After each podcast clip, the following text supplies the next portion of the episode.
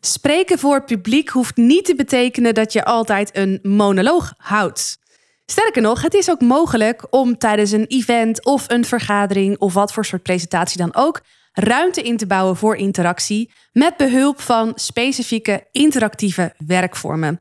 Dit is iets wat ik zelf ook onwijs leuk vind om te doen. Als ik niet per se een rol als spreker heb, maar veel meer een rol van moderator of van dagvoorzitter tijdens een event.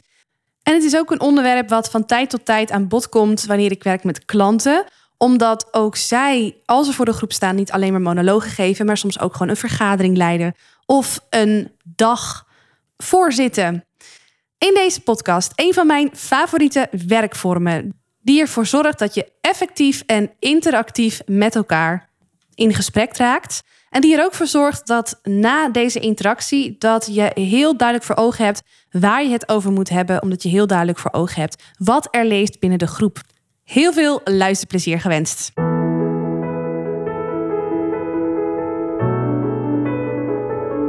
Mijn naam is Marije Wielenga. Wil jij jouw ondernemersverhaal delen als spreker, zodat jouw bedrijf nog veel meer aandacht krijgt? Dan is deze podcast Stralen Presenteren voor jou. Als Nederlands kampioen in speechen daag ik jou uit om grootse ambities waar te maken door het goud uit jouw ondernemersverhaal te delen op precies die plekken waar voor jou en je bedrijf grote kansen liggen. Blijf luisteren om te leren hoe.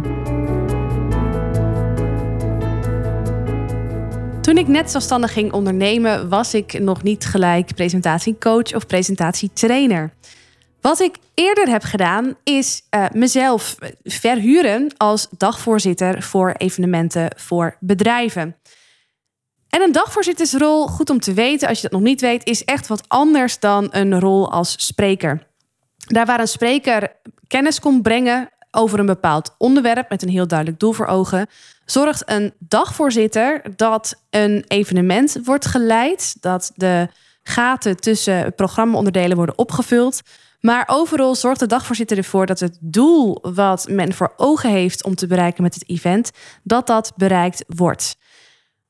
Een onderschat onderdeel hiervan is de voorbereiding. Als dagvoorzitter ben je het meest van waarde als je ook echt al ruim van tevoren betrokken wordt bij het evenement, zodat je mee kunt denken over dat doel van het event, maar ook hoe dat doel te behalen. Met welke sprekers, met welke invulling, maar ook met wel, welke interactieve werkvormen. En het tweede gedeelte is eigenlijk pas wat mensen vooral zien als het meest belangrijke, wat het dus niet per se is dat je tijdens zo'n event zelf zorgt dat het programma lekker loopt. Dat alles aan elkaar vastgeplakt wordt en dat mensen enthousiast zijn, enthousiast blijven en ook goed worden vertegenwoordigd door jou richting sprekers en richting de organisatie. Je bent eigenlijk een verbinder, zo zeg ik dat altijd, tussen de sprekers en de organisatie en het publiek. Jij moet zorgen dat die drie verschillende mensen, eh, onderdelen met elkaar in balans zijn. Dit wordt geen podcast om je te vertellen over de rol van dagvoorzitterschap. Maar wat ik hiermee wil zeggen is dat ik dus aan het begin van mijn carrière als dagvoorzitter heel veel ervaring op heb gedaan met het ja, toepassen van werkvormen tijdens diverse events.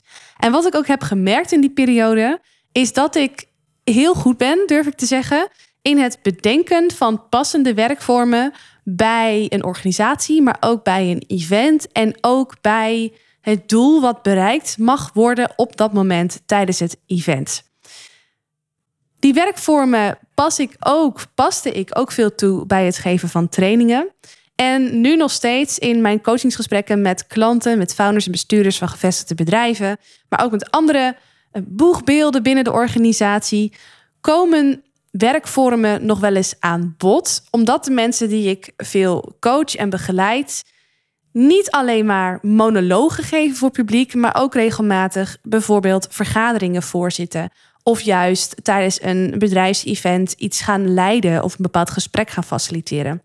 Dus ook dan komt die kennis van werkvormen goed van pas. En ik dacht, hoe leuk zou het zijn als ik gewoon een aantal werkvormen zo bij gelegenheid eens met je ga delen in deze podcast, zodat ook jij je voordeel ermee kan doen. En jezelf ook kan onderscheiden ten opzichte van nou, de standaard evenementen, de standaard vergaderingen, waarbij er vooral veel gezonden wordt. Of als er al iets van interactie plaatsvindt, dat dat dan een soort van interviewvorm is. Wat al luchtig kan zijn, maar niet per se, nou, heel bijzonder is, als ik dat even zo mag zeggen.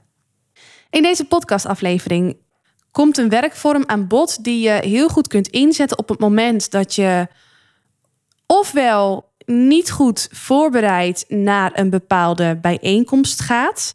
En waarbij je weet dat wat er te vertellen valt zoveel en zo breed is dat je het moeilijk vindt om in dat moment te bepalen waar je de meeste nadruk op mag leggen of wat het meest van belang is voor deze mensen om te horen op dit moment.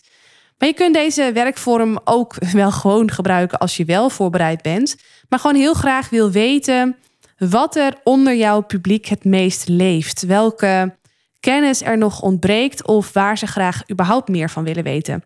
Ik stel me nou zo even een situatie voor waarbij je bijvoorbeeld een, um, een nieuw plan hebt bedacht, een nieuw beleid hebt bedacht. Dat beleid of dat plan is al gedeeld. Mensen hebben dat door kunnen nemen. Mensen hebben daar ook uh, eerste vragen al over kunnen stellen. Maar er staat nu ook een presentatie gepland om te zorgen dat ja, de vragen die er zijn, dat die aan bod komen. Nou, in zo'n situatie kan ik me voorstellen dat er heel veel mogelijke vragen zijn. En dat jij als beleidsmaker of als leider niet per se kunt ruiken waar die vragen heen gaan. Of waar nou, um, waar zeg maar jouw blinde vlek zit op wat nou het meest leeft bij de mensen voor wie je gaat spreken. En terwijl ik deze podcast opneem, vroeg ik me eigenlijk af hoe heet deze werkvorm. Ik heb hem zelf geleerd tijdens een cursus die mij dagvoorzitter heeft gemaakt. als een tweedaagse cursus. Onwijs leuk, kwamen heel veel werkvormen in aan bod. En ik dit, vond dit een van de allerleukste. Maar hoe die heet, nou laat ik hem gewoon even uh, vijf keer zeven noemen. Vijf keer zeven, zo ga ik hem noemen. En straks zal duidelijk worden waarom dat is. Of dit ook de officiële naam is, uh, daarvoor weet ik niet. Maar ik denk dat hij heel veel zegt over de werkvorm zelf. Wat is namelijk het idee? Je vertelt de groep allereerst dat je van plan bent om deze werkvorm te gaan doen. En het hele doel is dat mensen voor zichzelf over het onderwerp wat jij wilt gaan behandelen, een vraag gaan bedenken. Eén vraag die bij hun leeft over het onderwerp waar ze heel graag een antwoord op zouden willen hebben. Nou, je geeft mensen de tijd om uh, die vraag te formuleren. Laat ze dat ook vooral even lekker voor zichzelf doen, dus niet in overleg. Het is echt de bedoeling dat ieder een vraag uh, uh, noteert die voor hem of haar het meest leeft. Ook handig trouwens dat iedereen hiervoor een, um, een A4'tje heeft. dat, je, dat, je, dat je deze vraag kunt noteren, maar ook deze werk, werkvorm verder kunt doen. En wat dan de volgende stap is, is dat de hele groep mensen in vijf rondes in iedere ronde één andere persoon gaan opzoeken waar ze hun vraag aan gaan vertellen. Terwijl die ander ook de vraag van die ander aan die ander vertelt. Dus beide personen stellen hun vraag aan elkaar. En vervolgens gaan ze elkaars vraag valideren. Iedere ronde valt er zeven punten te verdelen per tweetal tussen de vragen die worden gesteld. Dus je hebt uh, Marietje, dat is persoon A, en je hebt Jantje, dat is persoon B. Marietje noemt haar vraag aan Jantje. Jantje noemt zijn vraag aan Marietje. Samen gaan ze bepalen welke vragen ze van deze het beste vinden. En op basis daarvan gaan ze de punten verdelen. Als Marietje nou echt een supergoeie vraag heeft en Jantje is het daar helemaal mee eens, dan kunnen ze ervoor kiezen om Marietje alle punten te geven.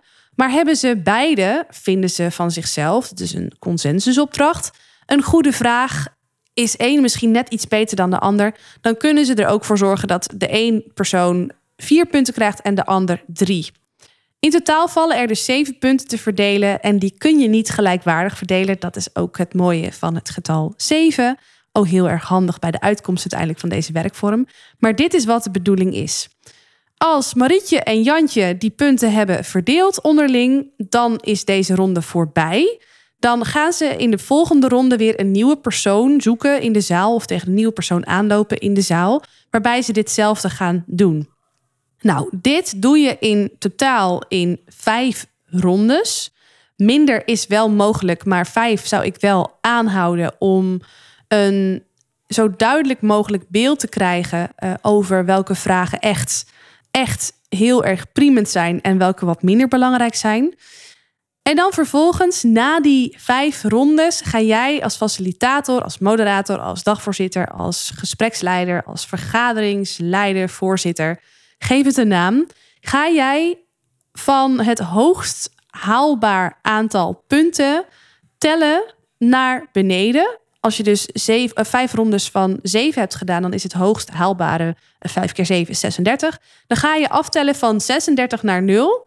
En je gaat net zo lang aftellen totdat je de eerste, nou, drie vragen, de eerste vijf vragen. Is ook even afhankelijk van je tijd natuurlijk. Misschien heb jij wel uh, een, een half uur de tijd. En zijn het vragen die allemaal relatief kort te beantwoorden zijn. Nou, dan kun je misschien wel tien vragen behandelen. Maar je gaat in ieder geval van die 36 aftellen naar 0. Je selecteert daarmee de meest belangrijke vragen zoals ze dat zelf gevalideerd hebben in die vijf rondes. En vervolgens ga jij die vragen beantwoorden. En misschien ben jij in deze echt niet meer dan een gespreksleider en kun je inhoudelijk geen antwoord geven. Het kan natuurlijk ook zo zijn dat het over een onderwerp gaat waar jij met een team van, nou, deskundigen of uh, uh, kennisdragers uh, staat en dat je dan met dat team bepaalt wie welke vraag gaat beantwoorden. Maar ook wel van belang hoeveel tijd er is voor iedere vraag om te beantwoorden. Dit is geniaal op het moment dat je weet dat er veel vragen zijn, maar dat je ook weet dat je niet alle vragen kunt beantwoorden. Dat je ook weet dat je voor de overige vragen kunt verwijzen naar ofwel uh, een beleidstuk, ofwel achtergrondinformatie op een andere manier vergeven. Of misschien ga je gewoon met elkaar bepalen dat andere vragen op een ander moment alsnog beantwoord worden. Mensen kunnen natuurlijk gewoon al hun vragen alsnog ook inzenden. En dat je dan achteraf gaat bekijken welke vragen er nog meer leefden. En zo kun je dus ook gericht in een aantal e-mails daarna, of misschien in een podcast, of op wat voor manier dan ook, alsnog de vragen beantwoorden die verder nog leven. Maar zo zorg je er wel voor dat alleen de vragen die door het publiek zijn gevalideerd als de meest belangrijke vragen, dat die aan bod komen.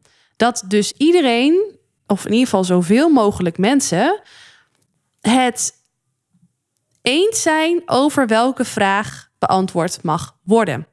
Zou je dit niet doen en zou je gewoon in het wilde weg vragen gaan beantwoorden, dan kan het heel goed zijn dat je de verbinding kwijtraakt met een groot gedeelte van je publiek, omdat bepaalde vragen alleen leven bij bepaalde mensen en niet bij de grotere groep.